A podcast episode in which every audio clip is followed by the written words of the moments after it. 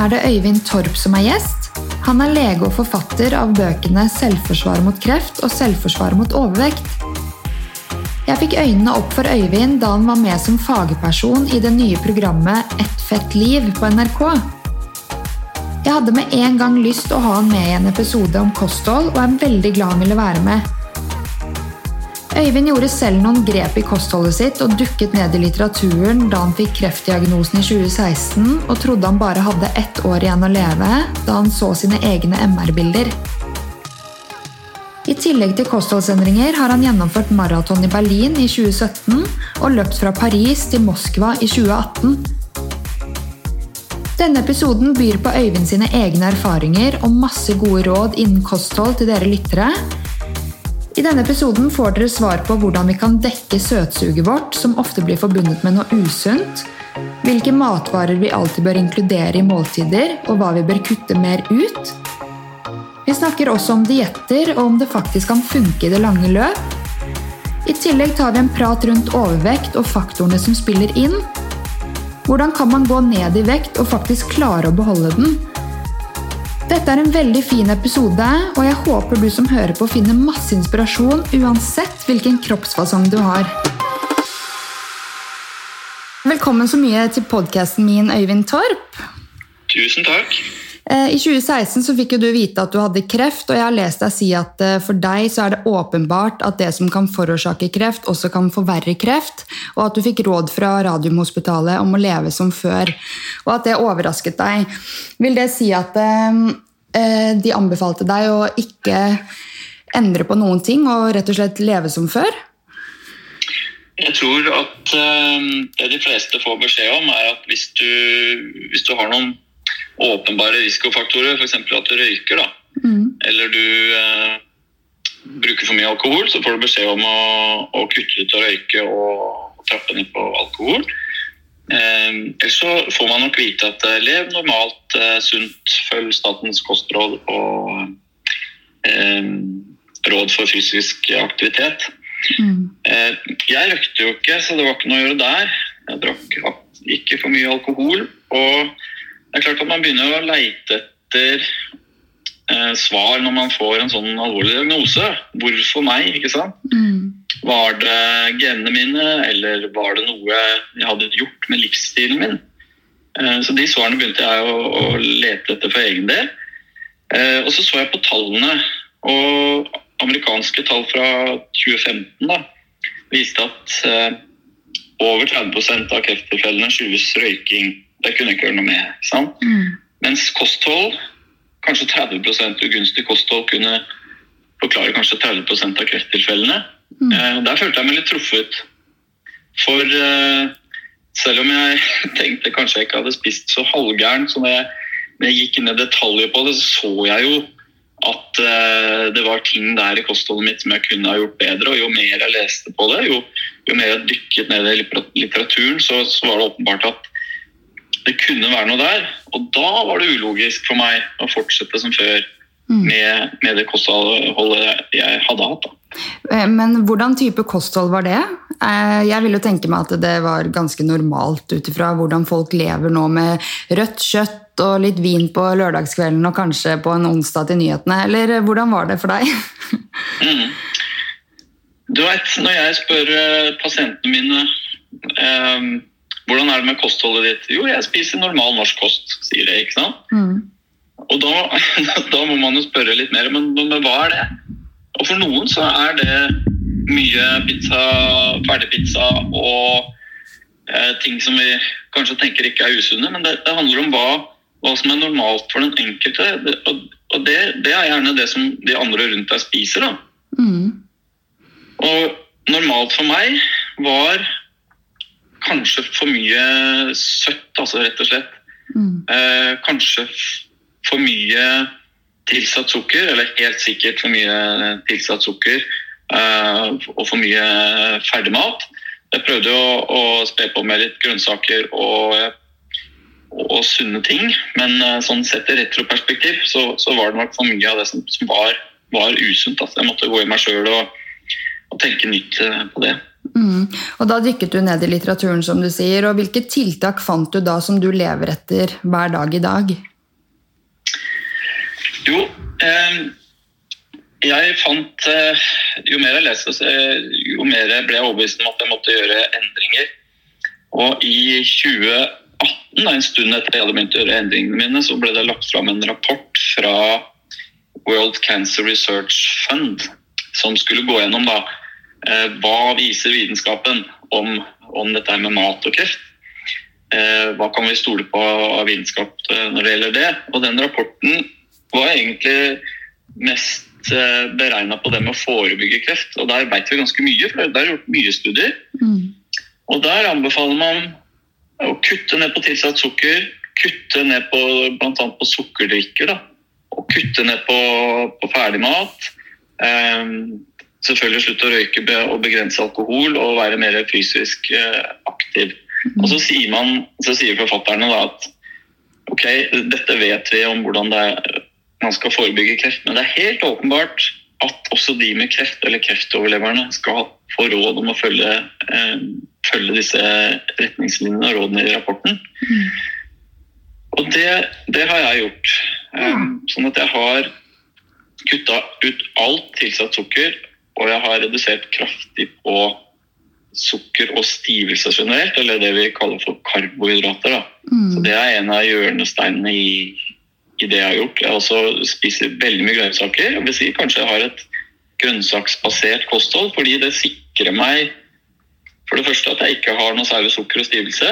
Sikrer meg fiber som er bra for tarmfloraen. Mm. Og så er det masse spennende kjemikalier i alle disse grønnsakene som til sammen kan være lovende, i hvert fall um, kan se sånn ut da, i mange studier, kan være lovende ved kreftsykdom.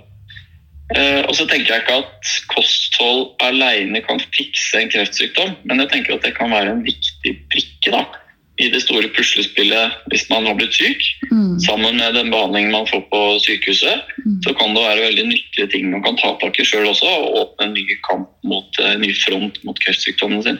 Mm. Absolutt, det høres veldig bra tenkt ut. Men av alle de millionene studiene som finnes om kosthold, eh, hvordan fant du det som var riktig for deg? Ja, du, det er et kjempegodt spørsmål. fordi jeg tror det ligger eh, litt over fire millioner studier ute på PubMed om, om kreft. Um, hvordan finne de riktige studiene? Det, det, som er viktig der man må begynne, da, det er jo å begynne med de største studiene. Det som kalles for systematiske oversikter og meta-analyser, som på en måte er regna som det sikreste formen for bevis. Da. Mm. Så nevnte jeg i stad at vi vet masse om, om det med mat som forebygger kreftsykdom. Der har man ganske mange sånne store oversikter. Det har man ikke når det gjelder de som allerede har fått kreft, og det er jo et problem. ikke sant? Mm. Så da må man Da har jeg eh, valgt å tenke litt annerledes. Eh, jeg har to hatter her. Da. Det ene er som lege, og da kan jeg bare gi råd som er basert på de sikreste, sikreste studiene mm. og sikreste vitenskapelige bevis. Men så er jeg også pasient. Og da har jeg på en måte ikke, hvis du skjønner, tid da, til å vente noen tiår på at disse største systematiske oversiktene skal komme på plass. Og Da har jeg valgt eh, følgende regel for meg selv.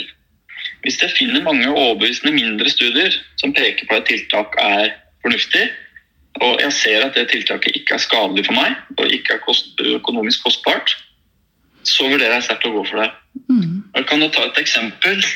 Um, uh, noe av det første jeg fant, var at det var eh, studier gjort ved danske eh, Rikshospitalet mm. som viste at eh, intensiv trening, intervalltrening, kan være gunstig ved kreftsykdom og hindre eller redusere spredning av sykdom. Ja. Ganske overbevisende studier for meg, som forklarte på en måte helt ned på detaljnivå hvordan dette påvirker immunforsvaret og gjør at disse kvinnene da, som var forsket på, Mm. Eh, Får får mindre tendens til spredning, de som er på intervalltrening. Det er klart, da kan jeg Med legehatten så kan jeg si at eh, nei, dette er små studier. Eh, vi har ikke den ypperste graden av bevis, så eh, jeg kan ikke gi deg det rådet om intervalltrening. Det kan jeg velge, eller jeg kan tenke vel, dette syns jeg ser spennende ut, det virker lovende. Det er i hvert fall ikke skadelig for meg, og det koster ingenting. Mm. Jeg velger å gå for det. Mm. Så eh, jeg tenker litt disse rådene, da. Eh, sammenligne litt med behandlingen av covid-19 nå. Fordi på intensivavdelingene så har man gjort en del tiltak som jeg tror har reddet mange med alvorlig covid-19. Man har bl.a. funnet eh, prosedyrer hvor man snur pasientene så og så ofte for å fordele væske i lungene, slik at lunge, mer lungevevet skal, skal være med å, å bidra til pusten. Eh, Og det har vist seg effektivt. Ja. Men det er klart det finnes ikke noen store systematiske oversiktsstudier på det. Så dette har man jo gjort fordi man har en anatomisk-fysiologisk forståelse av menneskekroppen. Mm. Og med fornuft så har man funnet ut i den prosedyren. Man kunne jo valgt å si at dette kan vi ikke gjøre, for det er ikke dokumentert. Men samtidig, dette er jo øyeblikkelig hjelp. ikke sant? Det er jo akuttmedisin. Mm. Så gjør man det, og så fungerer det. Og sånn har jo medisinen utviklet seg eh, gjennom alle år. At man har brukt eh, fornuft og eh, kunnskap eh, og erfaring uten nødvendigvis å måtte vente på disse studiene. Så for meg er det litt sånn med kreftsykdommen min at det er akutt. Eh, og jeg må gjøre det jeg kan, men jeg må selvfølgelig passe på at de tiltakene jeg velger, ikke er skadelige. Jeg vet også at du eh, hadde ja, fokus på trening, og det sier du jo nå også. eh, Og du løp eh, fra Paris til Moskva i 2018, som tilsvarer syv maratondistanser, hvis jeg har fått med meg riktig. Eh, Hvordan var den opplevelsen, og særlig så kort tid, altså et par år etter at du hadde trodd at du bare hadde rundt et år igjen å leve? Ja, og det var jo en fantastisk opplevelse. Det er så mange aspekter ved det. Fordi når jeg ble operert siste gang i 2016, så var jeg ikke særlig sprek. Så da, da var det Det var liksom å kunne gå, gå 100 meter. Da. Og så eh, Det var så stusslig, for jeg hadde vært vant til å være ganske sprek før det. Mm. Jeg tenkte at nå må jeg ha et skikkelig stort mål. Det var i høsten 2016. tenkte jeg neste år, september 2017, da har jeg lyst til å løpe maraton. Mm. Så jeg meldte meg på Berlin Marathon og tenkte at det er sikkert urealistisk, men jeg vil ha det målet. da. Og så trente jeg meg sånn sakte, men sikkert opp gjennom det året. Og så stilte jeg på start Berlin Marathon 2017. Bare å krysse og starte maratonet her og vite at jeg hadde kommet så langt, det var, det var helt fantastisk. Og jeg hadde hatt, hatt så mye nytte av det prosjektet da, i det året som hadde gått. Så selv om jeg ikke hadde klart å fullføre, så tror jeg at kanskje målet ikke var målet i seg selv, men den tida jeg hadde brukt og alt jeg hadde fått i perioden, var verdt det. Mm. Og så løp jeg av målstreken. Jeg var ikke tidenes raskeste maraton, men, men det, det var på en måte en kjempestor seier. Og da tenkte jeg at ok, jeg har klart dette her, nå har jeg lyst til å ha et enda, mer, enda større mål. Så da bestemte jeg og en kamerat oss for å sette et mål ett år senere. Løpe sju maraton på 13 dager fra Paris til Moskva. Ja. Og det, det gjorde vi. Um, og igjen, det å ha et prosjekt når du er syk, da. Mm. Ha noe å jobbe for som gir mening, som du kan strekke deg etter, som på en måte både er positivt for sykdommen din, eh, men også er positivt fordi du føler mestring. Du roer deg ned. Det er så mye bra med det der. Og det Mm. tenker jeg sånn, det er et større perspektiv for en kreftpasient å ha et prosjekt, enten det er trening eller det er å optimalisere kostholdet sitt. Mm. Eh, Og det å kunne liksom delta i det prosjektet om å bli frisk, det tror jeg er kjempeviktig. Ja, jeg har inntrykk av at veldig mange kreftpasienter eh, blir motiverte til å gjøre en eller annen endring i livet sitt, og ikke bare legger seg ned og eh, Kanskje det er fordi vi ikke hører så mye om de, da, men eh, jeg har ikke inntrykk av at det er så mange som legger seg ned og på en måte velger å eh, ikke gjøre noe og bli, bli nede i et sort hull, da, men at de, de får en sånn motivasjon til å komme seg opp igjen og finner ulike ting i livet som gir Ja. dem en boost. Jeg tror du nevnte det helt på starten at når du får beskjed om å gå hjem og leve som før, legg livet ditt i våre hender, dette skal gå bra. Så Mm. på den siden så er jeg kjempeglad for norsk helsevesen, altså, for det er kjempedyktig, og jeg er veldig glad for den hjelpa jeg har fått. Men det er mange som ikke kjøper den der at du skal gå hjem og leve som før, og at Mm. det var uflaks at du fikk kreft. Jeg må gjøre noen endringer. Eh, Den, den tror jeg er eh, logisk for de fleste. Jeg føler at det ofte så forbinder vi kosen med noe som er usunt, f.eks. godteri, chips og sjokolade. Mm. Eh, hvorfor er det så viktig for oss å bevare kosen? Og hvorfor må det være ofte noe usunt som blir forbundet med det? Ja, ikke sant? Er ikke det der veldig kulturelt? da?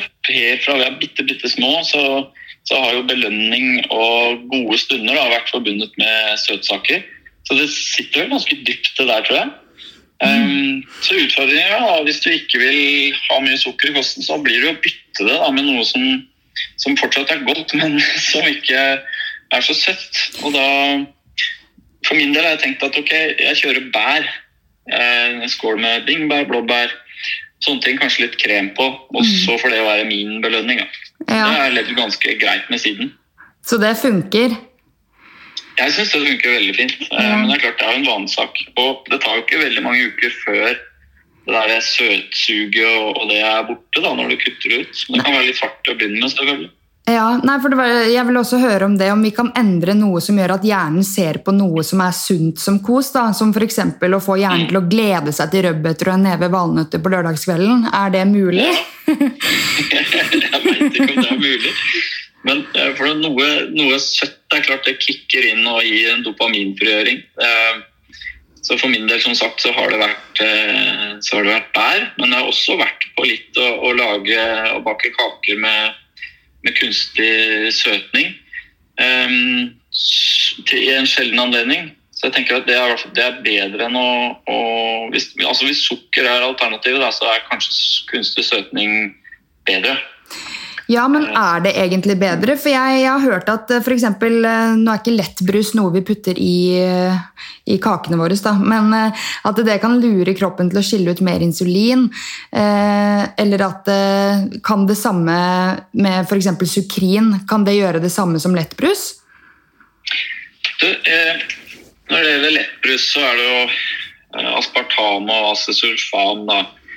Og det gir nok ikke noe særlig insulinøkning akkurat i det du drikker det glasset. Kanskje lite grann, men, men eh, det er nok ikke av noe betydning. Da.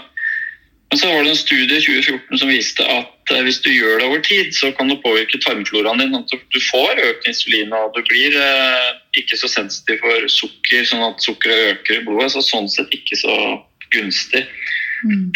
Eh, Det er litt forskjell på disse tilsetningssøtstoffene. Noen gir litt insulinøkning, f.eks. sukralose er sett. Hvis man eh, tar det sammen med noe som inneholder sukker, så øker blodsukkeret. Så eh, man kan kanskje bruke føre-var-prinsippet og være litt forsiktig, men så tenker jeg at hvis en marsipankake med sukker er det du har tenkt å gå for, men så velger du en kake med kunstig søtning, så, så vil jeg nok tro at det er et bedre valg. Og det gir iallfall en mindre insulinøkning enn det vil med, med sukkerkakene. Mm. Og Men det er jo litt, litt, litt usikkert. Jeg skjønner, Men lettbrusta, er det også en betydelig forskjell på om du faktisk drikker Pepsi Max, eller om du tar deg et glass med Coca-Cola? liksom? Ja, det er det. Veldig stor forskjell. Så jeg tror de fleste er enige om at eh, hvis du kan aller helst drikke vann Ja. eller te eh, Men hvis alternativet er sukkerbrus, så er lettbrus en bedre løsning sånn som det ser ut nå. Fordi du får ned det store sukkerinntaket. Mm. Og så vil jeg snakke litt om dietter, for det er jo en enorm industri. Og så lurer jeg på hvorfor er det så vanlig at folk ønsker å teste ut ulike dietter, og funker det i det lange løp? Mm. Ja, Da tenker du i forbindelse med overvekt? Ja, særlig Det er jo ofte de som har lyst til å teste ut ulike dietter, men det er kanskje mannen i gata også som er eh, Som ikke er overvektig. Men uh, dietter jeg, jeg jeg syns det skrives så mye om ulike dietter, og så tenker jeg hvorfor kommer det, hvis dietter funker, da, hvorfor kommer det nye dietter hele tiden? Mm, mm. Jeg tenker at det ser ut som at alle dietter funker, i hvert fall til å begynne med. fordi altså Fellesnevneren er at det er ingen dietter som har med sukker. Og hvis du tar ned sukkerinntaket, så eh, vil eh, mange gå ned litt i, i vekt. Altså. Sånn at det, det, fungerer litt til å begynne med. Mm. Um, så er det det her med at det må være en type diett som du har lyst til å spise. da. Ellers så vil jo de fleste Da vil motivasjonen svikte over tid. Um, og så er det det at mange da de begynner på en diett, og så i tillegg skal da spise mindre. Mm. Sånn at de går litt sultne. Og det tror jeg ikke er en bærekraftig eh, idé. For, for, hvis du tar ned veldig mye på antall kalorier, så har ikke kroppen så veldig mye valg etter hvert enn å skru ned forbrenningen din. Nei. Og den blir dessverre, hvis du, hvis du sulter deg, så, så blir dessverre den forbrenningen værende lav lenge. da. Ja. Og hvis du da begynner å spise sånn som du gjorde før, med en lavere forbrenning, så legger du lettere på deg. Ja, ikke sant? Og den, den smellen er det mange som har gått på. At de har klart å gå ned først, og så går forbrenningen ned. Eh, og så legger det lettere på seg, så blir det enda tyngre enn før. Mm. Så det er mange skuffelser der ute etter sånne forsøk, hvor man faktisk har gjort en kjempeinnsats og har vært viljesterk, men så ender de opp etter et år med høyere vekt enn de hadde i utgangspunktet. Så jeg har nok litt mer tro på Du må i hvert fall ha et eh, kosthold og en diett som du er glad i. Og du, du, skifter ut litt sånn smart. Og jeg tror at hvis du kan klare å la være ferdig mat, og lage mat fra bunn, mm. gjerne med mye grønnsaker som du liker, så er det en god vei å gå. Og så tror jeg ikke man skal sulte seg, men jeg har litt tro på, eller jeg har veldig tro på sånn kortfaste. Og hvis du gjør det som periodisk faste, enten det er 5-2-dietten eller at du faster fra middag til lunsj et par dager i uka, sånn 16-8 faste, hvor du faster 16 timer og spiser i 8, Mm. så vil ikke det få forbrenninga di til å gå ned. Nei. Fordi det er så kort. Mm. Og da skader du ikke. Du skrur ikke ned forbrenning, og du, du eh, kan effektivt gå ned i vekt. Da. Så, så det kan være en lur metode å kombinere med en ny diett. Ja. Men er det noen dietter som skiller seg ut som en suksess? Fordi jeg, jeg, bare husker tilbake, jeg var rundt 19 år, og så prøvde jeg en sånn essentially juice detox, eh, hvor man skulle drikke grønnsaksjuice da hele dagen uten fast føde. Og det var veldig populært eh, for noen år tilbake. Eh, og så husker jeg at, eh, For da bodde jeg i kjelleren da, eh, hos foreldrene mine, og de lagde taco i etasjen over, og det luktet i hele huset. Og jeg husker bare jeg holdt på å sulte i hjel. Og, og jeg klarte ikke å gjennomføre den ene dagen med juicing. Jeg måtte bare gi etter. Eh, så for meg så funket det dårlig, for kroppen bare skrek etter mat. da. Eh, så er det noen dietter som, eller detoxer som skiller seg ut, annet enn den fastingen som du nettopp nevnte. da. Ja, jeg tror du må velge en type diett går sulten sånn som du var, for det, det krever for mye av viljestyrken. altså. Mm. Så, og da, hvis vi skal snakke om de tre store næringsstoffene, fett, proteiner og karbohydrater, Mm. så vet vi at fett og proteiner det gjør at du holder deg mett lenge. Um, og karbohydrater er, blir ganske fort forbrent, og så blir du fort sulten igjen. Mm. Så hvis du på en måte klarer å få til en diett hvor du holder deg mett lenge, så trenger du ikke spise så ofte. Og du, du trenger kanskje ikke så, så mye mat til neste måltid fordi du er ganske fornøyd. Mm. Så det tenker jeg. Eh, Det var en studie som viste det der litt, hvor det var eh, en gruppe folk som ble gitt to ulike frokoster. Den ene gruppen fikk eh, frokostblanding, Mm. og den andre gruppen fikk omelett. Ja. I frokostblandingen er det jo bare karbohydrater, stort sett. Mm. Mens i omeletten er det proteiner og fett. Og så så man Det var jo like mye kalorier i begge eh, rettene, da. Og så så man hvordan det gikk med disse fram til lunsj, og de med frokostblandingen ble fort sultne fordi sukker og stivelsen blir ganske fort forbrent. Karbohydratene blir fort forbrent. Mm. Mens omelettgruppa de holdt seg mer fornøyde fram mot lunsj. Og det mest spennende var kanskje når det ble sluppet løs på sånn koldtbord til lunsj, så spiste frokostblandinggruppen 81% flere kalorier. Ja, Selv om de hadde fått akkurat like mange kalorier til frokost, så, så var de mye mer sultne og hadde mye større behov for mer kalorier til lunsj. Og det, det sier jo litt om at du kan ikke bare telle, telle, kalorier. Det handler om hvordan kroppen behandler disse her matvarene. Mm. Og hvis du har en diett som holder deg mett lenge, så er det større sjanse for suksess enn hvis du har en der blodsukkeret går opp og ned og du blir fort sulten. Ja, Hvordan kroppen tar opp de ulike næringsstoffene. Det er ikke ja, bare kaloriene man skal se på? Nei, det er ikke bare kaloriene og det å holde seg mett. Det handler om hormoner. da. Mm. Og særlig om insulinhormonet, som eh, er lurt å holde litt stabilt. Det skriver jeg om i boka mi 'Selvforsvar mot overvekt', hvordan det der fungerer. Ja, og jeg, hadde, du... jeg, har skrevet ned det som et spørsmål om du faktisk kan dele hvordan den hormonmetoden som skal være nyttig mot overvekt og høyt blodtrykk og diabetes type 2, og sånn, hvordan den metoden er, da. Ja, det, det handler om å, å, vite hvordan du snakker til kroppen din med det du putter i munnen. da. Fordi hvis du putter en kake i munnen, 200 kalorier, så snakker du til kroppen din på en helt annen måte enn hvis du putter 200 kalorier med brokkoli inn. Mm. Eller 200 kalorier egg, da, for den saks skyld. Fordi hormonene reagerer helt annerledes på den kaka enn på det egget. Mm. Eh, på kaka så får kroppen vite at å hei, nå har vi et stort energioverskudd. Det må vi sette i gang og lagre som fett. Ja. Save it for a rainy day. ikke sant? Mm. Uh, lykke, tenker kroppen. Nå, nå, må vi spare dette her. Og I tillegg til å lagre det som fett, så låses også fettlagrene, sånn at du ikke skal bruke det fettlageret du har, for nå har du jo overskudd på energi, så da, da trenger du ikke det. Mm. Mens hvis du spiser egget, så, så får ikke kroppen de samme signalene. Da holder blodsukkeret seg stabilt, og insulinhormonet øker ikke. Og dermed så så vil ikke kroppen få signaler om å lagre og heller ikke å låse disse fettlagrene. Mm. Så samme antall kalorier, to vidt forskjellige måten, måter som eh, kroppen reagerer på. Mm. Og Det kaller jeg for hormonspråket. Hvis du lærer deg hvordan en viss type mat påvirker hormonene, så kan du jo bestemme sjøl. Om du vil la kroppen gå i lagringsmodus, eller om du vil spise, holde deg mett og, og få lov til å forbrenne fettlagrene dine. Mm.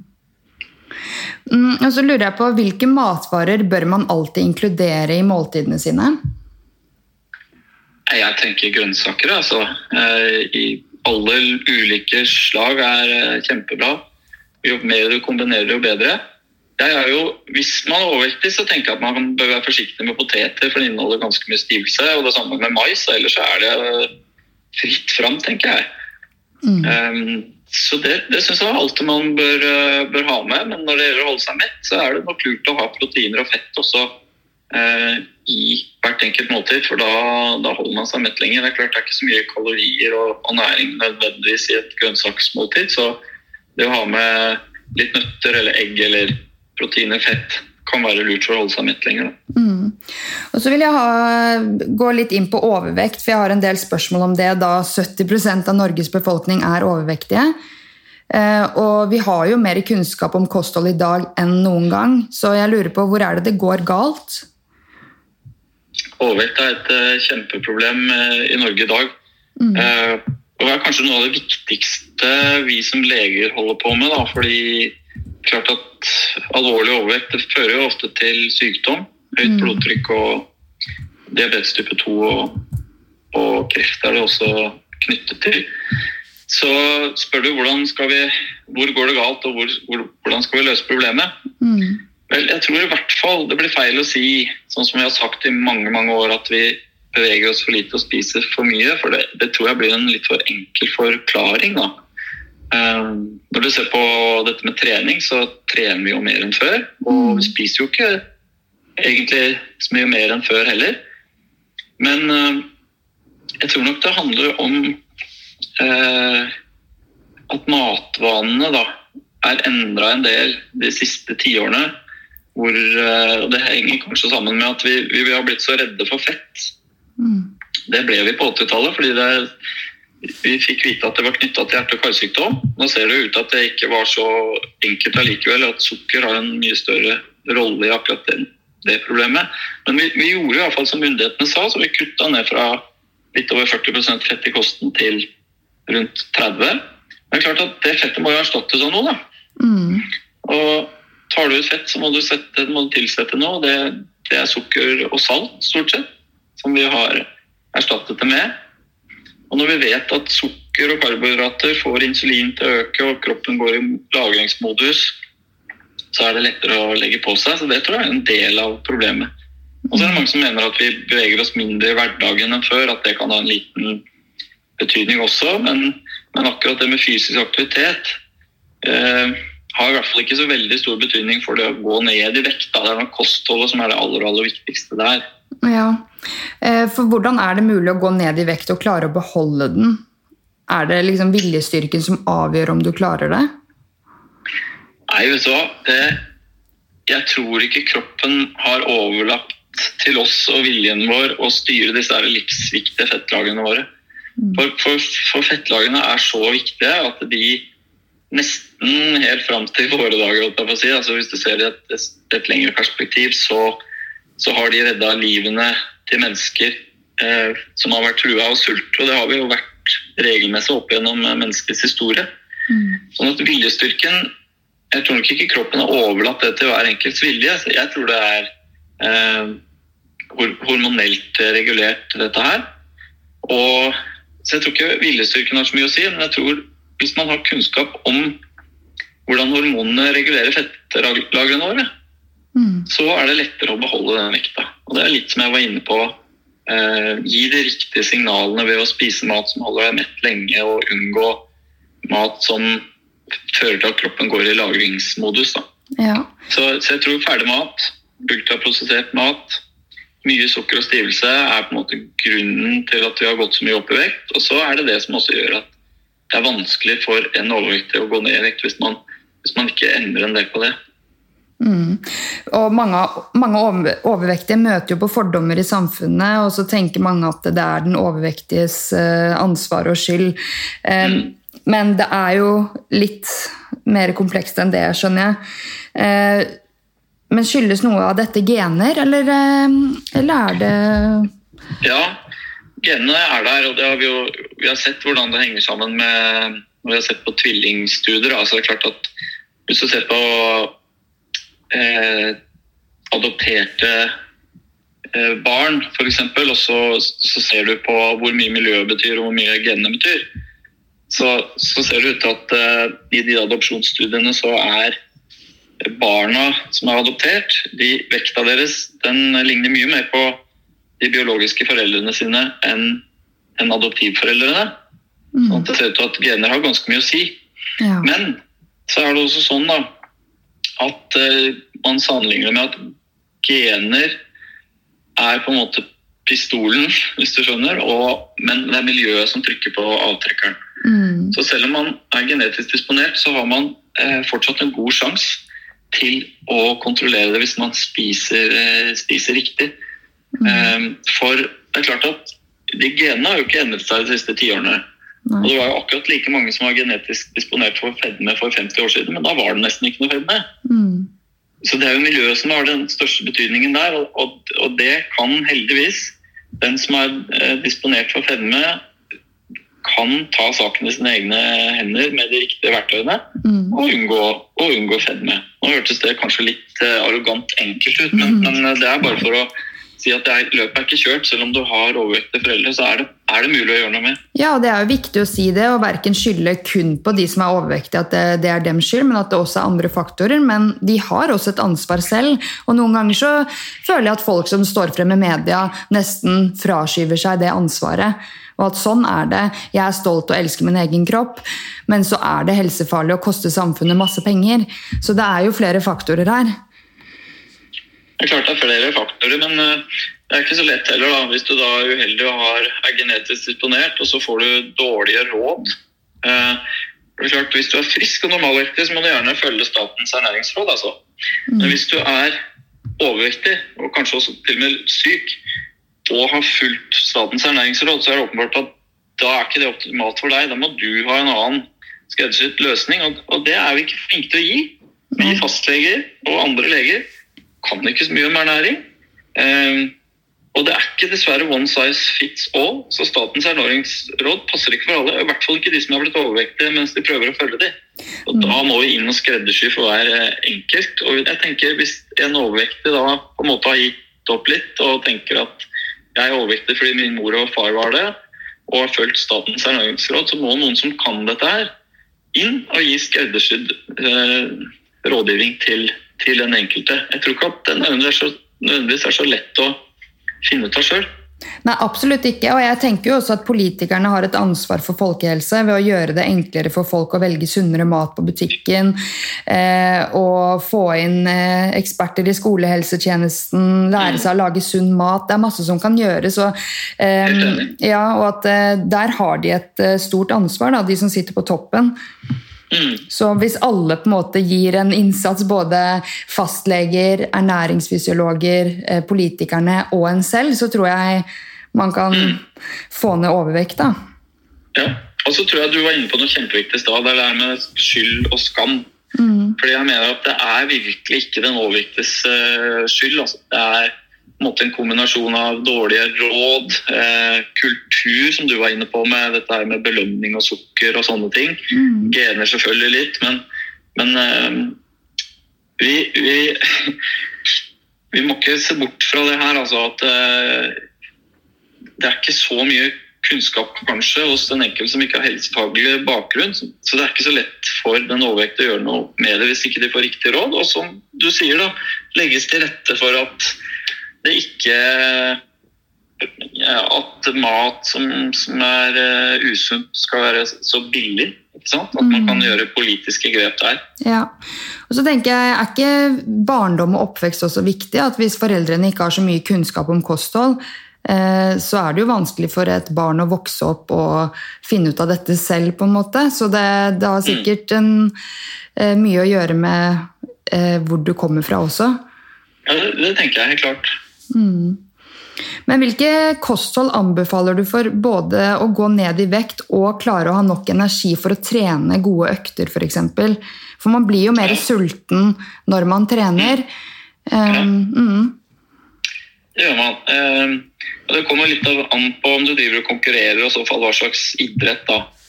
For hvis du ser på det uh, fra et sånt uh, treningsperspektiv, så så er det klart kroppen kan velge mellom to typer drivstoff, kan du si. da. Den kan gå på karbohydrater, og det er det den velger da, hvis den har karbohydrater tilgjengelig, eller den kan gå på fettforbrenning. Mm. Eh, hvis du vil at kroppen skal gå på fettforbrenning, så må du lære den det gjennom noen uker da, ved å ikke spise karbohydrater.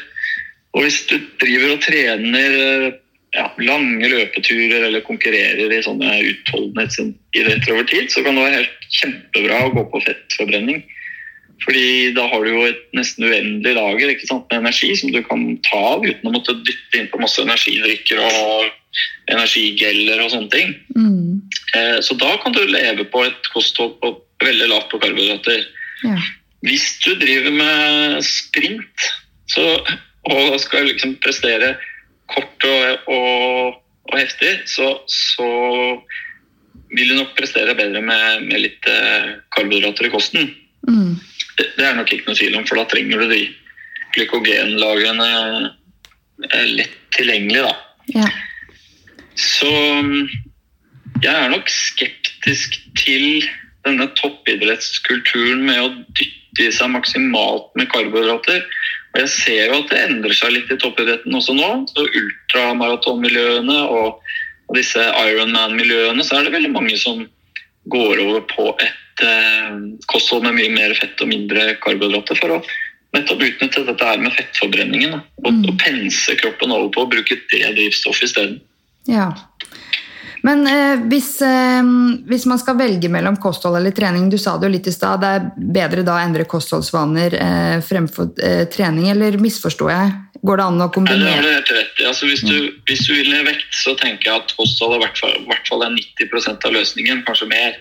Okay. Eh, og så er jo trening kjempebra for helse. Jeg vil aldri eh, fraråde noen å gjøre det, men så tror jeg kanskje vi lurer folk litt hvis vi fortsetter å si at du beveger deg for lite. Nå må du bevege deg mer, så går du ned i vekt. For det gjør det jo ikke. Det viser jo studier at det, eh, fungerer ikke. For som du sier da, så blir jo folk mer sultne av det. Mm. Uh, dessuten så viser studier at når du har vært på trening, så, så er du jo fornøyd. ikke sant? Og det, da blir du gjerne sittende mer i sofaen etterpå fordi du er sliten. Ja. så får du mindre aktivitet etterpå, så spiser du mer. Mm. Så trening er ikke så fryktelig effektivt for å gå ned i vekt, men det er jo supert for helsa. Men ikke, la, la oss ikke lure folk, da. Ikke si at du går nok ned i vekt hvis du trener, for det gjør du sannsynligvis ikke. Så da, da får du heller sette inn støtet på kostholdet. Mm. Så en gang for alle, start med kosthold. Det er masse man kan gjøre der. Mm. Enten man er syk eller overvektig, um, eller bare hvis man faktisk har et dårlig kosthold da, og faktisk ikke er overvektig, men ønsker å implementere mer sunn kost i Ja, Ja. og vil forebygge sykdom. Det er kjempeviktig. ja. Mm. Um, og så lurer jeg litt på det med kosttilskudd uh, før jeg går over på de faste spørsmålene mine. Fordi uh, noen kosttilskudd er jo nødvendig, som f.eks. tran. Uh, men er det egentlig waste of money å kjøpe kosttilskudd, eller er det faktisk noe som funker? Hvis vi skal tro på de studiene som gjøres på kosttilskudd, så er jo de litt skuffende på tanke på effekt. Fordi du vet jo, Vi vet jo at vitaminer er essensielle. ikke sant? Vita betyr liv, og uten vitaminer eh, og mineraler og sporstoffer så kan vi jo ikke overleve. Men eh, det er nå det at vi kan ikke leve uten de. Men så viser studiene på kosttilskudd at de ikke har så stor effekt. Og så kan man spørre seg hvorfor, da. Og noen mener jo da at jo, vi trenger de, men det er bedre å få det via hel mat, fordi der er det andre ting også du får i det samtidig. Disse tingene kan virke sammen. Så kanskje det er best å få eh, de viktige vitaminene, mineralene og sporstoffene inn via maten og ikke kosttilskudd. Men så vil jeg jo si f.eks. som du nevner tran inneholder vitamin D. Mm. Og i Norge, da, hovedkilden til vitamin D er jo egentlig sola. I Norge er ikke det så lett å, å få et eh, godt vitamin D-nivå på høst, vinter og tidlig vår. Mm. Du kan kanskje få det på sommeren. Og Da er det kjempeviktig å bruke tran eksempel, som gir deg litt. Eh, fisk gir deg litt, men det er ikke nok ofte. sånn at det er lurt å få gå til legen sin og måle vitamin D-nivåene utpå ut på høsten og vinteren for å se om det er nok. Og Da gir jeg det rådet til mine pasienter som har lave nivåer på vinteren eksempel, må ta noe tilskudd. Mm. Fordi det er jo ikke, det er ikke lurt å gå med for lave nivåer. Og det ser vi jo nå i forbindelse med covid, at det er mer fokus på vitamin D-tilskudd fordi det gir et uh, mer effektivt immunforsvar. Ja. Så i sånne tilfeller med mangel, så vil jeg si ta tilskudd. Og så er det litt mer usikkert hvis du går med normale nivåer, om det kanskje er bedre å, å få det via ekte sunn mat. Da. Ja. Det har vært en skikkelig inspirerende episode, både med å høre din historie, men også få skikkelig eh, kunnskap om eh, ulike felt innenfor ernæring. Så jeg er veldig glad for at du stilte opp i podkasten. Så bra. Ja, jeg har fire faste Så bra, i like måte. Jeg har noen faste spørsmål som jeg alltid stiller gjestene mine på slutten av episoden. Ja. Mm, hvordan starter du uken best mulig? ja. Jeg starter med å trene før jobb hver mandag. Da syns jeg er en knallbra start på uka. Komme på jobben ferdig trent og, og våken og, og skjerpa. Ja, å, trening. Det er så deilig start på dagen. Jeg er enig. Eh, Hvordan finner du motivasjon til å snu en dårlig dag om til en god dag? Det gjør jeg. Hvis jeg har en skikkelig dårlig dag og starter dårlig, så tenker jeg at ok, eh, for å få den her til å gå bra, så må jeg gjøre mange små riktige valg. Så jeg prøver å gjøre mange bitte små positive ting som i sum gjør at dagen snur seg til slutt. Eh, Ja. Det gjør jeg. jeg tenker at jeg, De små tingene til sammen blir, gjør at dagen blir bra. Da. Det høres bra ut. Eh, Hva er du takknemlig for? Jeg er veldig takknemlig for at jeg lever. Eh, Fem år etter en kreftdiagnose er jeg supertakknemlig for familien min og for alt jeg har fått i livet, og at jeg er født i, i verdens beste land. Så det er mye å være takknemlig for. Mm, helt enig. Hva inspirerer deg?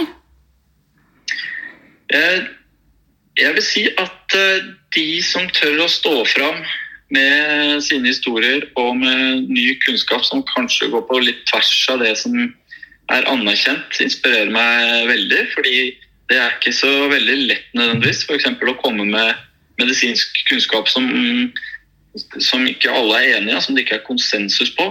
Da blir man ofte eh, kritisert eh, i dag. Og det syns jeg er litt trist. Jeg syns vi skal være åpne for eh, nye meninger og ny kunnskap. Så de personene som tør å stå fram med det, blir jeg veldig inspirert av. Åh, jeg er så enig, for jeg føler at alt som ikke kan forklares, blir eller dok eh, dokumenteres med forskning, eh, blir på en måte litt sånn at du er rar, eller åssen kan du mene avfeid. det? Ja, avfeid. Så vi må tenke litt nytt. og Vi er jo mennesker, og vi dømmer naturlig, men eh, ja, at folk må ta med seg det. Da, at man må ha litt mer åpent sinn og tenke at det, det er noe større enn bare alt som er forska på. Jeg tenker litt på han Semmelweis som eh, oppdaget det med bakterier. Han jobba med gynekolog på fødeavdeling, og så døde så mange kvinner ikke sant, med barselfeber. Ja. Og så sier han til kollegene vi må vaske hendene. Mm. For det kan være noe der. Og han ble latterliggjort, ikke sant. Lagt inn på psykiatrisk avdeling og Ja, det var jo Og tenk så mange liv han redda til syvende og sist. Så det, mm. det, hvor hadde vi vært uten at noen turte å stå fram med upopulær eller ny, ny kunnskap. Ikke sant. Og du er jo en av de som eh, som, eh, altså du, du, har jo på deg legefrakken, men du har jo også egne livserfaringer. Og det skal være fullt lov, syns jeg, å komme med det uten at det skal være sånn Du er lege, bla, bla, bla. Mm. Nei. Takk. Ja, Så jeg støtter deg 100% så bare fortsett. Takk for det. Tusen takk for at du stilte opp. Takk for at jeg fikk være med.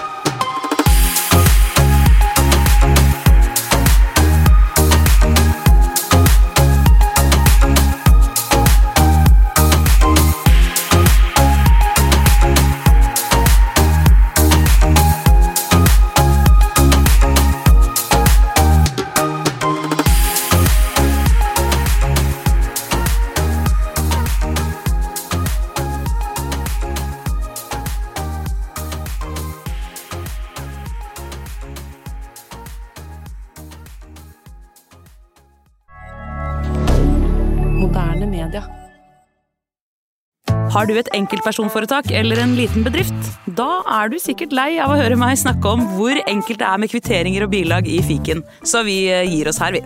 Fordi vi liker enkelt. Fiken superenkelt regnskap.